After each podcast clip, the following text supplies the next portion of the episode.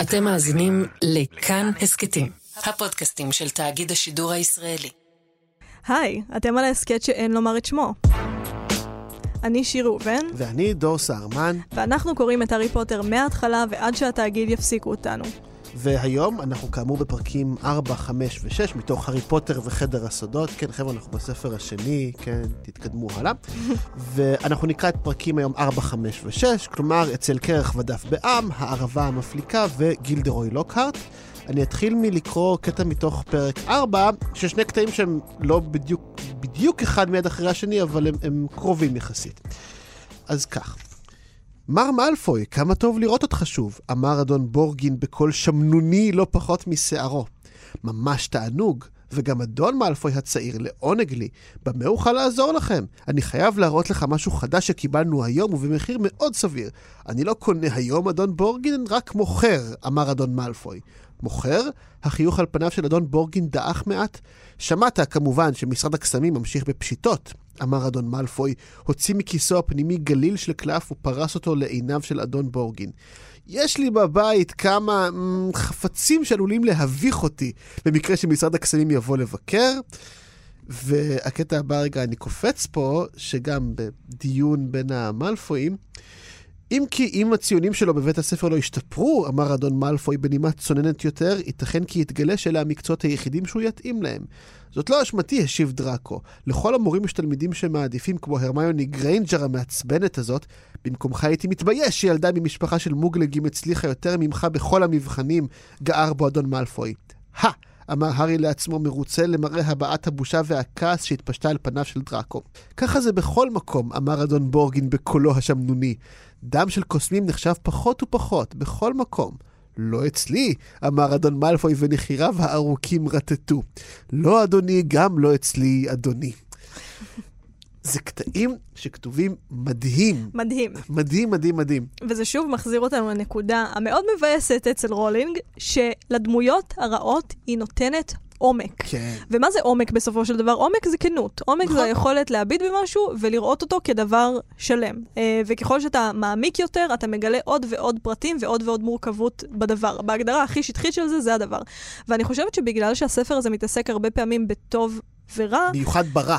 במיוחד ברע, אבל זה מדהים שדווקא... עכשיו, דיברנו, אנחנו מדברים הרבה על טוב ורע מן הסתם, כן. כי זה הספר, אבל הטוב של רולינג הוא טוב מאוד מלאכותי. הוא נכון. טוב שבקושי קיים. גם כשיש את הקנאה, אנחנו מדברים הרבה על הקנאה של הארי ורון ורון בהארי, היא לא באמת נותנת למקום. אנחנו צריכים להיות ארכיאולוגים ועם עם מברשת, ו- ואני לא יודעת מה הכלי השני שמשתמשים בו, להעלות את הקנאה הזאת אה, מעל לפני השטח. בזמן שהדמויות הרעות כן. הן הרבה יותר יצריות, ולכן הרבה יותר קל לאהוב אותן. כי אני חושב שבכלל, אפשר להגיד פה משהו יפה, כלומר, סדרת הארי פוטר, אני חושב, יותר משעוסקת בשאלה מהו הטוב, היא מאוד עוסקת בשאלה מהו הרוע, וזה מעניין, כי יש אה, תיאוריות במחקר הקבלה, שגם קבלת הארי, בסופו של דבר, מה שהארי היה אובססיבי אליו, היה שאלה של הרע שבעולם. סביב זה הוא גם עסק בטוב, אבל מה שעניין אותו היה הרע. כי הרבה יותר, נראה לי, אתה יותר רוצה להוכיח לעצמך שאתה לא רע, מאשר אם, ה... אם אתה טוב. כי כאילו, הדיכוטומיה הזאת רוע היא... זה בעיה. זה בעיה שהאנושות מתמודדת איתה ומנסה לחפש לה פתרונות כל הזמן. נכון. וגם, אז, אני אה, חושבת שעצם זה, אבל שהיא תופסת, יש לה תפיסה לא נכונה של רוע, אני חושבת.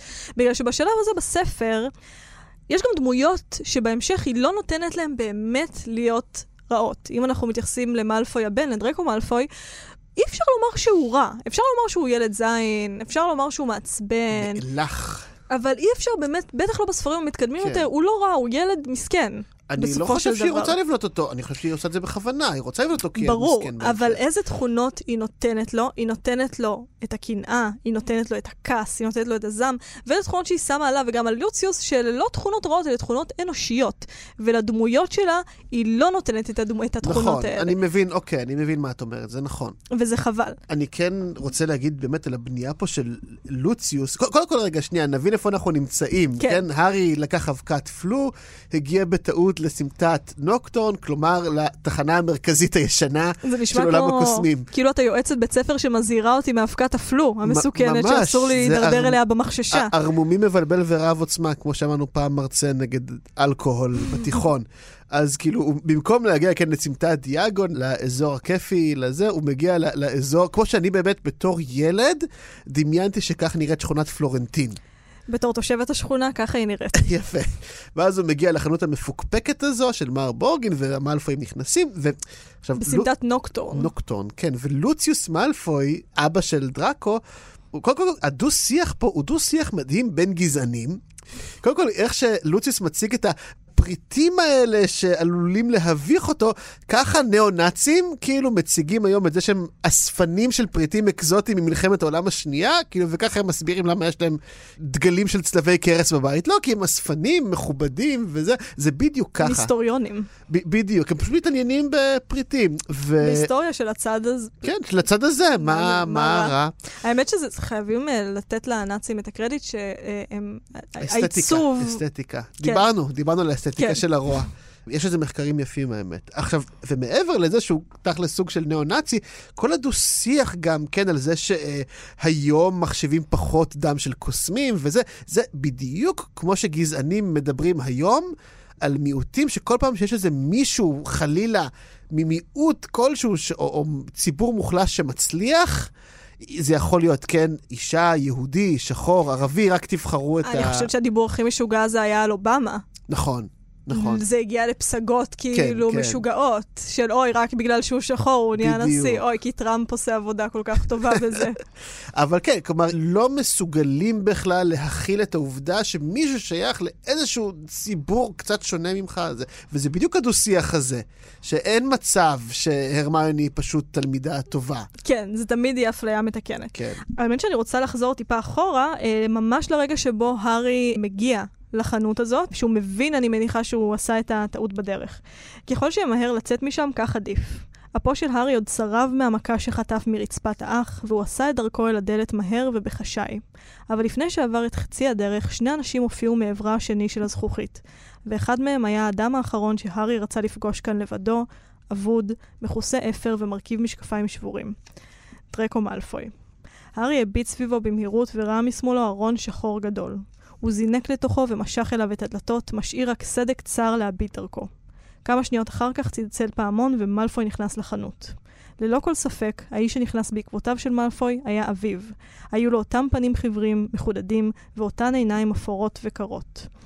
עכשיו, זה נורא יפה שהארי מזהה את זה, בגלל שקודם כל אנחנו נחשפים בפרקים האלה להרבה סוגים של הורות. עכשיו, נראה לי שזה גם משהו, אה, זו, זו פתיחה יפה של עניין היתמות של הארי, שקודם כל הוא...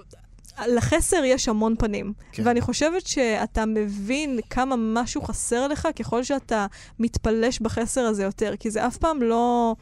זה אף פעם לא, אה, אוקיי, אין לו הורים. זה מקיף אותו, זה יתקוף אותו כל פעם מזווית יש אחרת. פה הרבה הורים בפרקים האלה, המון ההורים של הורים. מאלפוי, ההורים של הרמיוני. כלומר לכולם. עכשיו, קודם כל, אני חושבת שזה שהוא רואה, מזהה את מאלפוי ואת אבא שלו, זאת הצצה יפה לעולם הפנימי של יתום. שהוא כן. ישר רואה את מה שחסר לו. ישר, אפילו שזה...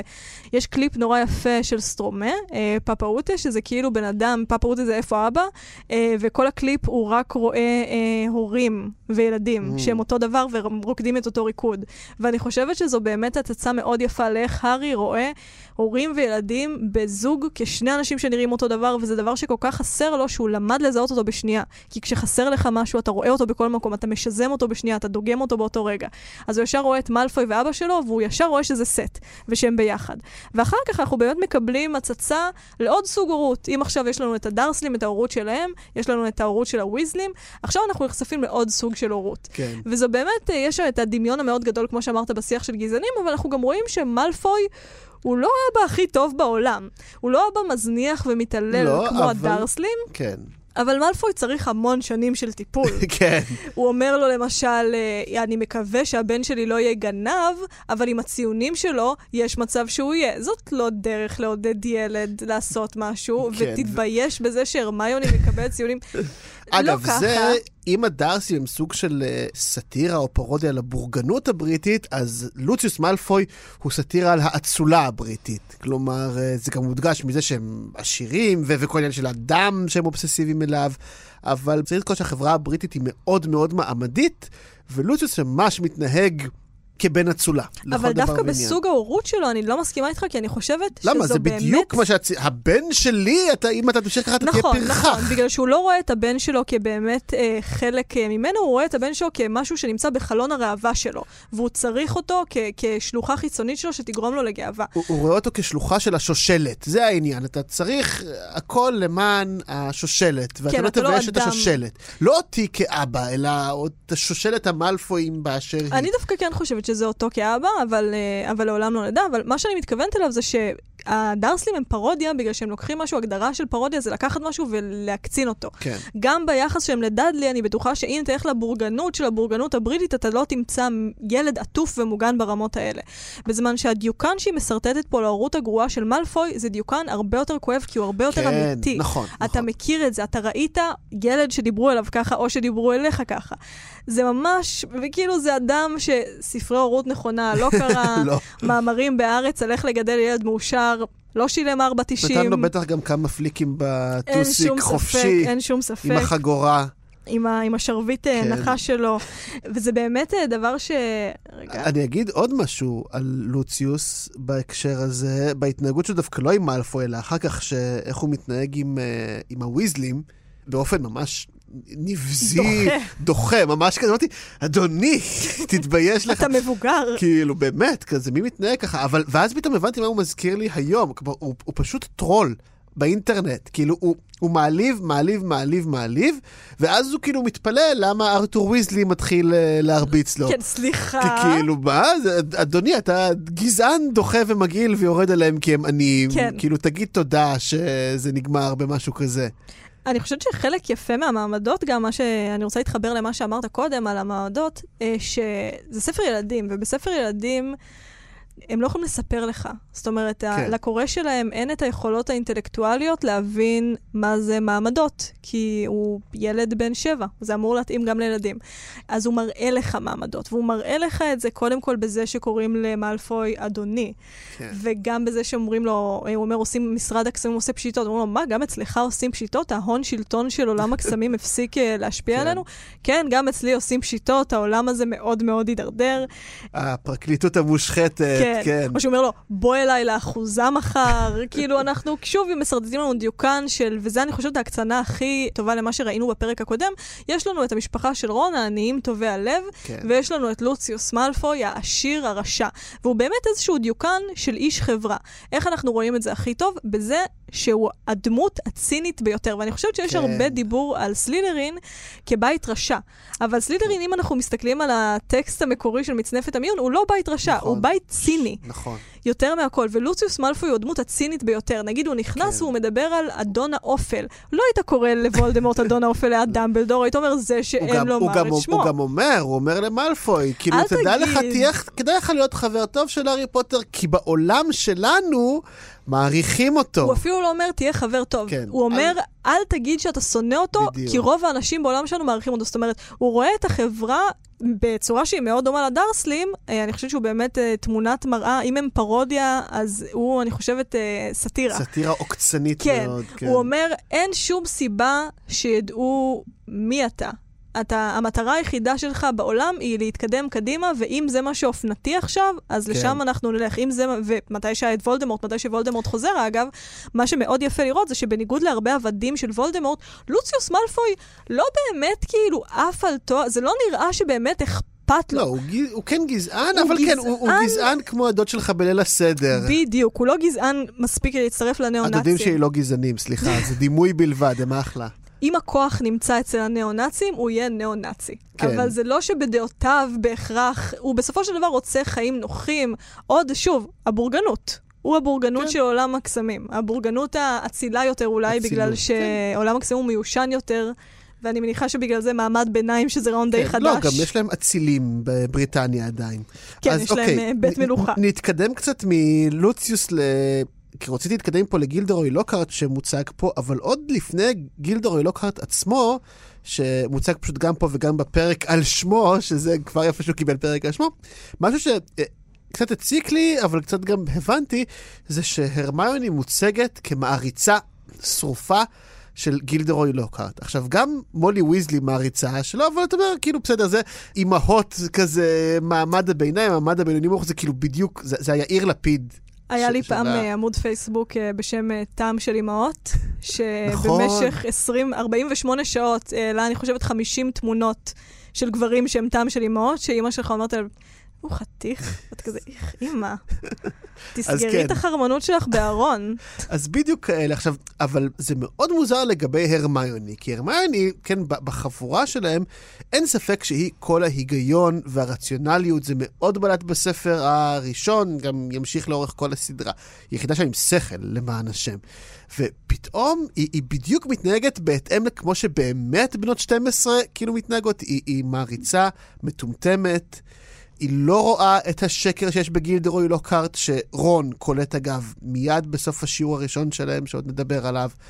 היא פתאום כאילו מין, היא, היא גם לא בדיוק uh, טינאייג'רית, היא בגיל הזה של ה... Uh, יש איזה ביטוי, tweens או משהו כזה. האלה שהם בין ילדות לגיל התבגרות. אני תמיד שומע את השלב הביטוי הכי הזה. כיפי בעיניי. כן, השלב הכי כיפי. אז כאילו בדיוק זה, ויש פה מצד אחד משהו מאוד לא נאמן לדמות של הרמיוני, צריך להגיד. זה, אני...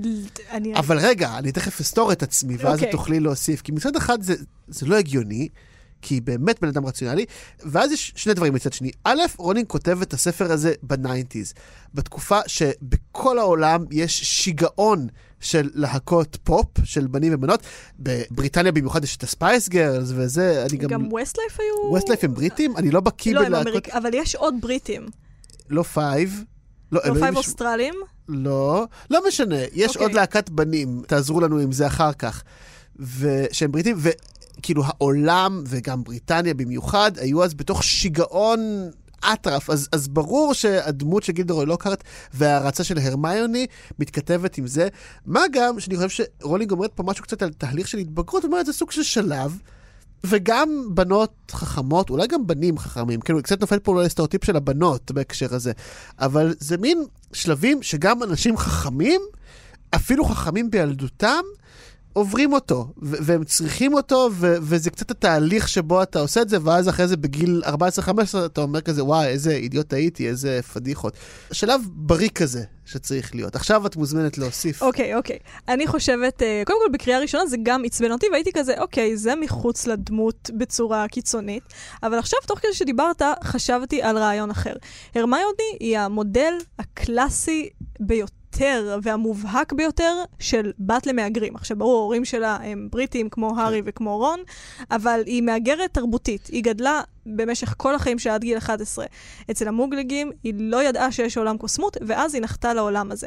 ואנחנו רואים את זה, ההצטיינות שלה היא באיזשהו אופן נוגעת ללב. אני זוכרת כל הזמן שראיתי, אה, כשלמדתי קולנוע, סרט על, אה, סרט, אני לא זוכרת באיזה מסגרת ראיתי את זה, אבל תחרות spelling בארצות הברית, ועל זה שבתחרויות spelling, הזוכים, המנצחים, הם תמיד ילדים אסיאתים אמריקאים, ילדים למהגרים. כן. בגלל שהם צריכים... הודים תמיד, כן. כן, ש... אני ראיתי בעיקר אסיאתים, אבל כאילו, שזה אולי קצת גזעני להגיד, אבל... כן, אני אה, קצת פרטתי אותם לעמים פה. כן, כן. אבל בשורה. התחתונה הם ילדים למהגרים, בגלל שיש משהו במעמד הזה של בני מהגרים, אנחנו גם אה, נכדים למהגרים, אז אנחנו מכירים כן. את זה כמעט מגוף ראשון, שהצורך להשתלב והצורך להצטיין הוא, הוא מטורף. אבל אני מכירה נגיד אנשים שההורים שלהם עלו מרוסיה, ואני מניחה שהם דיברו בעיקר רוסית עד איזשהו גיל, והם בכוח שכחו את השפה הזאת, או שהם לא יודעים לכתוב, או שחסרות להם מילים, כי הם התעקשו לא לדבר בזה. זאת אומרת, הגירה תרבותית יש בו משהו שאוטומטית מאלץ אותך להיות חצוי, להיות היבריד. עכשיו, איך זה מתקשר להרמיוני? זה חוזר, הרעיון הזה חוזר בעיניי בפרק הזה, אבל הרמיוני היא מבריקה. אני חושבת שעצם זה שהיא מעריצה את לוקהארט, זה רק מראה כמה האינסטינקטים שלה, של בת למהגרים, הם מטורפים. כי היא אומרת, אוקיי, זה הבן אדם שצריך להריץ, זה הבן אדם שאוהבים פה, מצופה צריכה." ממני כילדה קוסמת להריץ את הגבר החתיך והזה והזה. אני אלך על זה בכל הכוח. אני אצייר לבבות מסביב לשיעורים שלו במערכת השעות, אני אהפוך לדמות באופן טוטאלי. ולכן אני חושבת שכשרון טיפה לועג לה על זה, ההתנגדות שלה היא כל כך, היא נעמדת כן. על הרגליים האחוריות, כי הוא לועג לה אותנטיות. אני לא מאמינה לה. כן. שהיא... שהיא, אה, כזה, שהיא באמת מעריצה את לוקהרט. כן, אני חושבת שזה לגמרי משהו הישרדותי, ויכול להיות, אתה יודע, גם זה, זה אותנטי מבחינתי בדיוק באותה מידה. אני חושבת גם שבפרקים האלה, הם מתעסקים הרבה במעמדות, מודגש כאן גם המעמד של רון מול הארי. נגיד, הם הולכים לכספת. וואי, כן, העוני והעושר, זה לא נעים, זה, זה קטע לא נעים, נעים, כל כך. ואני ריחמתי על רון שלא רק שלהארי יש כספת מלאה שהוא מנסה אני להסתיר, ריחמתי על עצמי שאני קורא את השורות האלה. זה מזעזע. גם מתי שהם מגיעים אה, לחנות, אז גילדרוי לוקהרט ישר מושך את הארי, כן. ועל רון הצלם דורך. אפילו לא כן. הבן אדם בעצמו, הוא מושך את הארי. וזה באמת נוגע ללב, וגם שאלתי את עצמי אם הארי כל כך עשיר ונדיב, למה הוא לא קונה להם את הספרים? אני חושב שהוא לא רוצה להביך אותם. אני חושב שיש לו קצת אינסטינקטים. קודם כל, הוא ילד בן 12. Mm, צריך להיות הוגן פה ולזכור שעם כל האומץ שלו, הארי הוא ילד, ואני בטח בגיל 12, גם היום אגב, לא יודע אם הייתי ישר מסתובב, כאילו, עם, עם חבר נגיד, שאני יודע שהוא מצוקה, אוקיי, בוא אני אקנה לך את כל הספרים. זה, זה לא נעים, אתה לא יודע איך, כאילו, במובן מסוים, מה שרולינג עושה פה, גם להארי וגם לרון וגם לנו כקוראים, הוא קצת לא הוגן, כאילו, בעימות הזה בין העושר לעוני. זה לא אשמתו של הארי. הרי כל המצב ברור הזה... שזה לא אשמתו.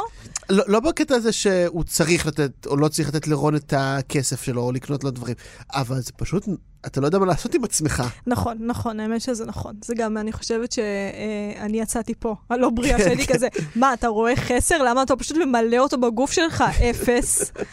עכשיו, אנחנו מגיעים לרגע שבו הם צריכים להגיע להוגוורטס. ושוב, רולינג עושה את זה בצורה מאוד אמיתית, היא מתארת איך כל אחד מבני משפחת ויזלי כמעט שוכח משהו, והם צריכים לחזור ולהביא כן. אותו, והם נוסעים במכונית רגילה, אבל במכונית יש המון מקום, ומולי ויזלי לא מבינה שזה, שזה קסם. אבל בסופו של דבר מה שקורה זה שהארי ורון לא מצליחים לעבור לרציף אה, תשע. אה, תשע ושלושה רבעים. עכשיו, אני חושבת שזה דבר יפה שהיא עושה, בגלל שמה שגורם לך להאמין בעולם הזה, זה ליקויים. נכון. זאת אומרת, בסופו של דבר, כאלה. בדיוק, ברגע שמשהו הוא טיפה לא אמין לי, אני אומרת, אה, אוקיי, אז זה אמיתי, אז זה כמו בעולם שלי. והיא באמת ידעה לקחת את העולם הקסום הזה ולהשתית אותו על מציאות יומיומית שאני כן מכירה. ואני חושבת שבגלל זה, נגיד, הארי הוא דמות פחות אמינה מלוציוס מאלפוי, בגלל שהארי הוא דמות שניקו ממנה את כל הליקויים, וזה פשוט עובד והוא תמיד כן. טוב, אבל כדי להאמין בעולם אתה חייב את הרגעים האלה של הם איחרו לרכבת. כן. אני גם אגיד בהקשר לזה, קצת על המכונית המעופפת עצמה, כן, הארי ורון לוקחים את המכונית וטסים בה, וזה דווקא יפה שהארי אומר שזה הרגיש לו כמו חלום. שהוא אוהב במכונית, וזה יפה, כי זה באמת תיאור של חלום. כלומר, בניגוד לטוס על uh, מטאטא, או אבקת פלו, או משהו כזה, שאתה במכונית שטסה באוויר ורואה מלמ- מלמעלה, אתה צופה ברכבת, וככה, זה ממש מרגיש כמו חלום שכזה קמתי ו- והיה לי, שזה אה, נורא נחמד. אבל בפרק אה, באמת על הערבה המפליקה, מה שבמיוחד אהבתי, זה את הנזיפה של מגונגל בהם, כן, הם כזה, יש קטע איפה שהארי ורון נכנסים, ואז כזה אומרים, מה זה, איפה סנייפ? ואז מתחילים ללכלך עליו, ואז פתאום סנייפ מגיע מאחוריהם. אגב, עוד הוכחה שהיא מאוד השתפרה פה ככותבת קומית, גם רגע מאוד מאוד סלפסטיקי, אפרופו מה שאמרנו בפרק הקודם. אז מגונגל נוזפת בהם ואומרת, אז למה לא שלחתם ינשוף, יא אימבצילים? כאילו, איך לא חשבתם, יש לכם פה ינשוף, תשלחו אותו, צ'יק צ'יק נארגן לכם איזה פתרון, מה, מי ישמע מה קרה? ואז כזה, הארי כזה חושב, אוי, אופס, נכון? וזה רגע שמאוד מאוד הזדהיתי איתו, ועל זה שבתור ילד, אתה לא תמיד חושב בהיגיון, ואתה חושב כזה, רגע, אולי זה סוג של מבחן כזה שעושים לי? אני אתן דוגמה. כשהייתי בכיתה ד' או ה', אה, המורה נתנה לי ולחברי הטוב דורצח משימה, את זוכרת שהיו פעם את הטלוויזיות האלה על גלגלים בבית הספר ברור, הענקיות לראות האלה? סרטים על סמים. בדיוק. לראות יומן נעורים וללמוד. ונתנו לנו משימה כי אמרה, אמרה, קחו, יש פה מפתח לאחד החדרים, נתנו צרור כזה, תפתחו את החדר ההוא בקומה הזו, תגררו את זה כאילו לאורך הקומה על הקצה ותשימו שם את הטלוויזיה. אוקיי, לקחנו את הטלוויזיה, כאילו להישאר באותה קומה, כן? אני מנסה לפתוח את הדלת של החדר, לא פותח. מנסה, לא פותח. האם אני אחזור ואגיד למורה זה לא פותח? האם אני אנסה אולי בכל זאת אה, זה? האם אני אבקש עזרה? לא. מה חשבנו לעצמנו, ואני לא יודע מי מאיתנו העלה את הרעיון המבריק הזה, היא בטח התכוונה לחדר למטה, והיא רוצה שנוריד את שני ילדים בני עשר, נוריד את הטלוויזיה הכבדה הזו על המתקן הזה, על הגלגלים, ששוקל הרבה יותר מאיתנו, נוריד את זה במדרגות. זה, עכשיו, כמובן שניסינו לעשות את זה, זה התרסק תוך רגע. ובסדר, לא כעסו לנו כל כך, אבל עשו, אני זוכר שעשו מין תחקיר כזה, מין לנסות להבין מה, למה, למה עשיתם את זה בעצם? כאילו, כמובן שאחרי זה החדר נפתח, בלי בעיה. וזה גם הפך למין כזה אה, אגדה בקרב חברים עד היום, הסיפור הזה. אבל אני מאוד הזדהיתי עם הארי ורון בקטע הזה, שאתה לא הולך תמיד בתור יד על הפתרון הברור מאליו. גם בתור מבוגר אני לא כזה טוב בדברים האלה, צריך להגיד. אתה תמיד חושב, אוקיי, עכשיו היקום זימן לי מבחן, ואני אלך, אקח את הדרך הכי עקיפה והכי קשה, כי לא יודע, צריך להיות גיבור ולהוכיח את עצמך. אני חושבת שזה אפיון טוב של הגיל הזה, אה, של גיל שאתה מרגיש כבר, אתה מריח את, את, ה, את הבגרות, במיוחד בגיל 12, שאתה יוצא משלב החוויון, אתה מבין ואתה מתחיל לקלוט דברים על העולם, אתה מתחיל להסתכל עליו בעיניים אחרות קצת. ואני חושבת שבוער בך דחף כל כך אה, חזק להוכיח את עצמך ולהסתדר לבד ולהראות שאתה מבוגר, אה, שמאוד קל ליפול לדברים האלה ולמקומות האלה. כן. עכשיו, ברגע שהם מגיעים, יש באמת את הנזיפה של מגנוגל, ואני רוצה להתעכב על uh, קטע יפה, שמספרים שהם נכנסים לחדר מועדון גריפינדור, וכולם מריעים אה. להם, וכולם שמחים, והשניים היחידים שלא שמחים זה פרסי והרמיוני. בחירה מאוד יפה, שמתקשרת שוב לדבר שדיברתי עליו קודם. גם פרסי הוא בשאיפה להיות מהגר, שאיפה להיות מהגר כלכלי. אה, מהגר כן, כלכלית. הוא רוצה לשפר את מעמד החברתי הוא שלו. רוצה להיות שר הקסמים, אומרים. הוא רוצה להיות שר הקסמים. ואני חושבת שמה שצורם פה, למה הרי הרמיוני ופרסי כועסים? אני לא חושבת שזה בגלל שהם חושבים שהמעשים של, אה, של רון והארי מביישים אותם, או משליכים עליהם באיזשהו אופן. אני חושבת שכשאתה... נמצא במקום הזה של להוכיח שאתה ראוי למעמד שהגעת אליו, שאתה אז למה, במלחמה. אז למה הם מרשים לעצמם ואני לא? בדיוק. אני חושבת שאין דבר יותר צורם מאשר להרגיש שאתה חנות במערכת חוקים כל כך נוקשה כדי להגיע למקום שאתה רוצה, שהרמיוני רוצה להשתלב. וזו תמה שהיא כל כך נוכחת באישיות שלה. זאת אומרת, אני כן חושבת שלרולינג יש את ההבנה הפסיכולוגית הזאת, אבל היא תמיד עושה את הבחירה המבאסת של יכולתם להרוג את עצמכם. לא, היא בת 12. זה מעניין לה את הביצה. היא לא חושבת בכלל שהם יכלו להרוג את עצמם, זה לא עולה בדעתה. העולם הרגשי שלה לא שם. מה שמעצבן גם את פרסי וגם את הרמיוני, זה שזה אנשים שהולכים בתלם של התלם של התלם, על מה שמבחינתם הוא חוט מאוד מאוד דק, ואז באים רון כן. ובאים הארי, והם עושים את הבלגן הזה, וכותבים על זה בנביא האלה. היומי, כן. והם עושים את כל הבלגן הזה, והחופש שלהם פשוט מוציא אותם מדעתם. הם לא יכולים לעבור על זה לסדר היום בגלל שאתה רואה את כל מה שאין לך, אתה רואה את כל הקולות בראש שלך שמוציאים אותך מדעתך, אתה רואה שני אנשים שחד משמעית אין להם אותם. ואני חושבת שבסופו של דבר זה משלים לנו את המשולש היפה של החברות שלהם. זה משולש של קנאה. רון מקנא בהארי, הארי מקנא ברון, והרמיוני מקנאה בשניהם. ברון בגלל שהוא נולד לעולם מקסים והוא שוחה בו, והמשפחה שלו קוסמים בצורה הכי ביתית, שזה כאילו, זה כמו, זה אריזה משפחתית על קוסמים. והארי, הוא אמנם גדל אצל מוגלגים, אבל הוא אייקון. כאילו, הוא הארי פוטר. כן. אין ילד שלא ידע את שמו, הוא ניצח את וולדמורט. בזמן שהרמיוני כל הזמן צריכה להוכיח את עצמה, ואני חושבת שהדאגה שלה, זה דבר uh, מאוד, uh, זה להגיד, אבל שהדאגה שלה, הרבה פעמים כשמדברים נגיד על, uh, על OCD או על מחשבות כפייתיות, או על אנשים שמאוד פוחדים מהמוות של ההורים שלהם, שזה כאילו אחת התמות הנפוצות של OCD, אני צריך לעשות את זה ואת זה ואת זה, כדי לא להרוג, כדי שההורים שלי יהיו בסדר, כדי שהקרובים לה יהיו בסדר. אז פרויד אמר... כן, אמרתי, איך לא אמרנו פרויד עד עכשיו? אז. הוא לא, מה שהוא אומר זה שבגדול זה כמו אה, חוט, שקצה אחד שלו נמצא במודע וקצה אחד שלו נמצא בלא מודע. ושהרבה פעמים OCD או התנהגות כפייתית, זה הצד המודע נלחם במשהו והוא לא מצליח להגיע אליו, הוא, הוא רץ בגלגל הזה והוא לא מצליח להגיע לסוף שלו בגלל שהוא לא יודע במה הוא נלחם. מה שהוא נלחם זה בלא מודע. ואתה שומר על ההורים שלך בגלל שיש לך משאלה מאוד מאוד גדולה שהאנשים האלה ימותו, שהאנשים האלה יניחו לך שיקרה להם משהו רע, ואתה בעצם לא נלחם, מה זה הרוע הזה שאמור, אה, שאמור להתרגש על העולם וכאילו להרוג את ההורים שלך? לא, זה משהו, משאלה בתוכך שנמצאת בלא מודע. וברגע שהמודע נלחם בלא מודע בלי לדעת שהוא לא מודע, מתקבלות ההתנהגויות האלה שמתנקזות לשום מקום. והדאגה של הרמיוני, אני חושבת שהיא דאגה מזויפת של פאקינג תתרסקו עם המכונית המסריחה שלכם. חבל שלא מתתם. חבל שלא מתתם, אני כל כך דואגת לכם, רק שלא יקרה לכם כלום. זה ילדים מסריחים ומפונקים, אני כל כך צריכה להילחם על המקום שלי. וואו. אני רואה את ההזדהות שלך, גם שומעים... כן, אני דווקא לא... אני... לא, לא, I feel her, אבל אני לא... אז לא הזדהות, את האמפתיה. אני מאוד אמפתית להרמיוני. אולי אני כן מזדהה איתה ואני לא יודעת. למה. אני חושבת שאפשר לראות ייצוג יפה של מה שהרמיוני מרגישה אם אנחנו מנסים לשייך את זה לעולם שלנו.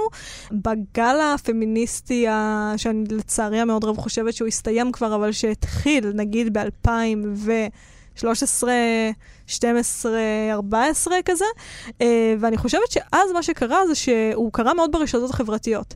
היו כל מיני אה, עמודי פייסבוק, כמו גברים באוטובוסים, גברים בסקס, היה כזה, לא? גברים בסקס. היה משהו, כן. ובסופו של דבר אני חושבת שהעמודים האלה ציטטו התנהגות גברית. שאני לא חושבת שהיא בהכרח רעילה. נגיד גברים שיושבים עם רגליים פסוקות באוטובוסים, זה לא הכי נעים בעולם, אבל הם לא רצחו אף אחד. ואני חושבת שהשיימינג המטורף הזה הגיע בדיוק מהמקום של הזעם של הרמיוני. כי ברגע שאת אישה לצורך העניין, ואת לא יכולה ללכת ברחוב עם פרצוף חושב, בלי שמישהו אולי יגיד לך, מה, למה את לא מחייכת? מה קורה איתך? ואז את רואה מישהו שהוא כל כך חופשי במרחב, שהוא תופס שני מושבים עם הרגליים שלו, את פשוט יוצאת מדעתך, ואת פותחת קבוצה בפייסבוק, ועוד מיליון בנות עושות את זה איתך, בגלל שזה מאוד קשה. את מרגישה את, ה, את המקום שלך עוד יותר ברגע שאת רואה מישהו שיש לו פריבילגיה, והוא לוקח אותה כמשהו מובן מאליו. וזה, אני חושבת, מביא אותה לקצה שלה, וגם את פרסי. שניהם לא יכולים לשאת את ההתנהגות הבלתי נסבלת הזאת. נכון, יפה. טוב, ועכשיו לדמות שמאוד לא מעוררת אמפתיה, גילדרוי לוקארט. ש- איזה מגעיל. קודם כל דמות שכתובה מדהים, ושוב, בתור מבוגר, גם בתור ילד נהניתי מאוד מהדמות שלו, כן? אבל בתור מבוגר שאתה כבר מכיר אנשים כאלה, והם בגיל שלך, ואני לא אזכיר שמות כדי שלא יתבעו אותי ואת התאגיד, אבל יש אנשים כאלה, אוקיי? אתם בטח מכירים כאלה, אני מקווה שזה לא אתם. וזה זה גם פה הפרודיה השנונה הזו של רולינג על גברים דושים, מלאים בעצמם, מסגבירנים, שבטוחים שהשמש זורחת להם מהתחת וכל העולם סובב סביבם. זה שרטוט מדויק פשוט, כאילו, הקטע הזה שלוקארט גם, קודם כל שלוקארט מחפש את הקרבה של הארי, וכמובן גם עושה להארי כאילו הארי מחפש את הקרבה שלו, שזה א' ב' של להיות גבר דוש ונורא, וגם מתואר איך הוא כזה בא להארי אחרי שהמכונית התרסקה, וזה כזה, הארי, הארי, הארי, הארי, הארי. הדבקתי אותך בחיידק. כן. אתה אה, רוצה את להיות כמוני. אה, חביבי? ואיזה איש נאלח, ובאמת, כאילו, אתה אומר, אוקיי, לוציוס מאלפוי הוא רשע וגזען, אבל... אני אוהב אותו. אבל, כזה, יש לו אדג'. כן. לא יודע, לוקארט פשוט... אה, אין... אני אגיד לך מה אני חושבת על זה. אני חושבת שלוקארט הוא הבבואה של כל מה שהארי פוחד להיות. ואני חושבת שיותר מזה, כן, הוא לוקארט גם הוא, בבואה של כל ייצוג... מה שאני פוחד להיות, אגב. באמת? לגמרי. אני חושב שאם יש משהו מסוכן באופי שלי, זה להיות גילדרוי לוקארט. יואו, אני פוחדת להיות וולדמורט. מה זה, מה זה אומר עליי? בקיצור, אני חושבת שיותר מזה, מאלפוי, כאילו, לוקארט זה איך שמאלפוי רואה את הארי. נכון. וכל פעם שלוקארט מדבר עם הארי, הארי חושב, אוי, לא, זה, זה איך שמאלפוי רואה אותי. ואז גם זה- אלפוי מגיע. כן, ואומר לו, אה, אתה נהנה מהתהילה שלך, אה, אתה אוהב את זה, אתה עף על זה. אה, ואני חושבת שבסופו של דבר כל המאבק של... אני חושבת שהארי הרבה פעמים בוחר את הזהות שלו דרך מי הוא לא רוצה להיות, וזה מאוד חזק עם מאלפוי, ובסופו של דבר האופי של הארי... נבנה דרך מי הוא לא רוצה להיות. אנחנו גם רואים את זה ברגע שמניחים עליו את מצנפת המיון. הוא לא אומר, שימי אותי נכון. בגריפינדור, הוא אומר, לא סלידרין. סלידרין. ואז אוקיי, אז אתה תהיה הדבר הזה. ולוקארט שהוא כל כך מלא בעצמו, וגם באמת אפשר לראות שיש כאן קווים מקבילים. זאת אומרת, אם נכון. אנחנו מסתכלים על הארי בהערכה הכי לא מחמיאה אליו, זה אדם שיש לו תהילה מאוד גדולה. אבל uh, הוא לא באמת עשה משהו כדי uh, להרוויח אותה, ולוקארט גם אומרים, הוא סתם נהנה מזה, אבל זה לא... אין באמת, כאילו, הוא עשה את זה מזמן, הוא עשה את הדברים האלה מזמן, עכשיו הוא סתם סלב, הוא לא... אין כאן שום דבר מעבר לזה. Uh, ואני חושבת שהארי נמצא כל הזמן במאבק של להוכיח את עצמו, וגם הדברים שהוא עושה בספר הזה, יכול להיות שזה בגלל שהוא נלחם בקול בראש שלו, שאומר, אני לא רוצה להיות האפס הזה. כן. ואם אנחנו רצים טיפה קדימה, ברגע שיש את uh, חדר הסודות, שבסופו של דבר לוקהארט והארי כן. ורון נכנסים אליו ביחד, אני חושבת שלוקהארט סוג של מצופה ממנו להיכנס, והוא בא לברוח. כן. והארי, כדי להוכיח לעצמו שהוא לא הבן אדם הזה בדיוק. שאין לו כלום, הוא אמר, אני אכנס כי אני חייב לא להיות הדבר הזה. לא כי... כזה מעניין אותי לעשות את זה, אבל אני חייב לא להיות הדבר הזה. אה, וככל שהוא נהיה יותר אנוכי, אני אוהבת אותו יותר. כמובן שום דבר מזה לא נכנס לטקסט, לצערנו המאוד מאוד רב. כן, אני חוזרים. עוד משהו על גילדרוי לוקהרט, שמאוד בלט לי, וזה בשיפור של הספר הזה, דווקא הספר הזה, שעוסק מאוד ברוע של סליטרין, כן, ובכל מה שנגזר ממנו, לראשונה היא מכניסה דמות, פה עוד לא ברור לנו עד כמה לוקהרט הוא רע, אבל הוא בוודאי לא דמות הוא טובה. לא לאבובול. והוא לא קשור לכל נושא הזה של סליטרין, כאילו הוא לא עוסק פה לא בטוהר גזע וטוהר דם, אין לו את הרוע הסליטריני הזה. זה פעם שמכניסה דמות של אדם רע, שלא קשור לכל הממבו ג'מבו במאבק הזה של הבתים וכולי. וזה מעניין, כלומר, ויש פה כן אמירה חשובה, כי הרבה פעמים באמת באים לרולינג בטענה המוצדקת, שהיא ממש עשתה עוול לסליטרין ולאיך שהבית זה מוצג כבית הרעים. היא ניסתה גם קצת לתקן את זה בהמשך וזה, אבל הנקודה היא שדווקא כבר בשלב יחסית מוקדם בסדרת הספרים, היא כן הציגה והראתה, יש אנשים רעים, גם מחוץ לכל הסיפור הזה של טוהר דם, אוקיי? יש סוגים, יש פנים שונים לרוע האנושי. זה לא חייב להיות הרוע הכי הכי אה, זדוני ונוראי וגזעני. גם להיות אה, גבר דוש, מלא בעצמו, שקרן, זה גם לא התנהגות שכדאי לאמץ. אני ו- לא יודעת אם הייתי מגדירה אותו כרע, אבל כרע אה, פר סי.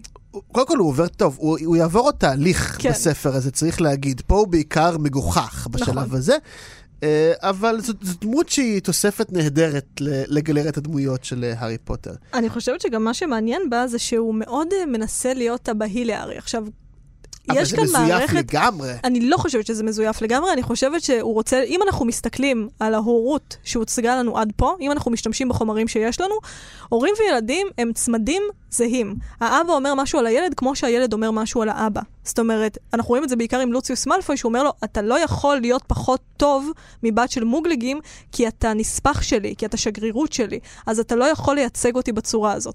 ואני חושבת שהארי מודד המון דמויות אב. בסדרה הזאת, אה, והמון דמויות אב אה, מודדות אותו. כן. אה, ואני חושבת שאת לוקהרט הוא מנפנף באופן המהיר ביותר, הוא לא מוכן כן. לקבל אותו. הוא לא רוצה להיות הצמד הזה אז עם הבן אדם הזה, כי הוא מייצג את כל מה שהוא שונא, בזמן שלוקהרט מאוד היה רוצה לאמץ את הארי, בגלל שלוקהרט בעיני עצמו ובספרים שהוא כותב, הוא גיבור שמביס אנשי זאב שכולאים אותו בתת טלפון, והארי שרד את אדון אופל בוודאי. שהם... כן, אבל זה זיוף במובן הזה ש... ש... כלומר, אני חושב שבשלב מסוים, כמו הרבה אגב אה, שקרנים פתולוגיים, אה, לוקהרט הוא אדם שמתחיל להאמין בשקרים של עצמו, כן? מהבחינה הזו...